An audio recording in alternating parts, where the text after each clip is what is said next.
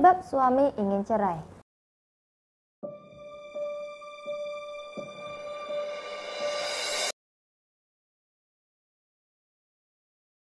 Assalamualaikum warahmatullahi wabarakatuh dan salam bahagia.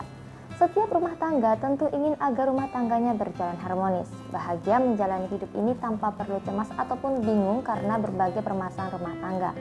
Namun, namanya perjalanan hidup terkadang harus menjumpai berbagai sandungan kehidupan. Jika mampu melewati dengan baik rumah tangga akan semakin kokoh. Namun jika sebaliknya tidak bisa mengatasi masalah yang ada, maka jalan terakhir adalah perceraian.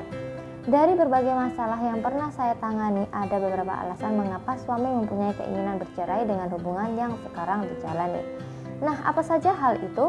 Baik, sebelum lanjut melihat video ini, ada baiknya bagi Anda yang belum subscribe, silahkan klik subscribe dan klik juga lonceng yang muncul di sebelahnya agar Anda bisa mendapatkan update informasi terbaru dari channel ini. Alasan kenapa suami ingin cerai bisa disebabkan karena berikut ini. Yang pertama, pria merasa tidak dihargai. Menikah tidak hanya sekedar membuat hubungan Anda menjadi sah. Namun, lebih daripada itu, seiring berjalannya waktu seharusnya tercipta kedekatan secara emosional. Penghargaan menjadi sesuatu yang sangat penting bagi pria. Ketika ia tidak mendapatkan hal itu dari pernikahan Anda, biasanya dalam hati suami ingin bercerai dengan istri. Sudah menjadi naluri suami untuk bisa dihargai, karena sejatinya suami berperan sebagai kepala keluarga.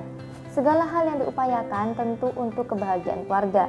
Jika usahanya itu tidak mendapatkan balasan berupa penghargaan, tentu akan membuat hatinya menjadi sedih. Apalagi jika suami merasa terintimidasi atas sikap istri yang mungkin lebih dominan. Kemudian yang kedua, istri yang boros. Salah satu masalah yang kerap terjadi adalah masalah finansial. Dan hal itu juga yang bisa membuat pria ingin berpisah dengan istrinya. Bisa jadi menurutnya istrinya boros atau mungkin tidak bisa mengatur keuangan. Nah, dalam pengalokasian uang sebaiknya istri juga menjelaskan kepada suami agar bisa sinkron dan tahu kebutuhan rumah tangga yang diperlukan. Kemudian yang ketiga, perselingkuhan. Banyak kasus perselingkuhan yang berakhir dengan perceraian, entah itu si istri atau suami yang melakukan. Perselingkuhan dapat memicu terjadinya perceraian. Pihak yang merasa dikhianati pastinya sulit untuk menerima kenyataan itu.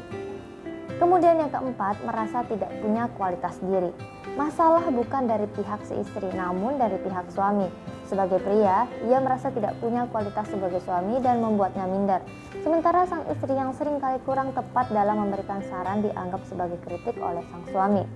Suami yang pengertian akan sangat merasa bersalah jika ia tidak mampu memenuhi kewajibannya. Selain ada rasa khawatir, juga akan membuat ia merasa tidak bahagia dengan dirinya sendiri dan pernikahannya.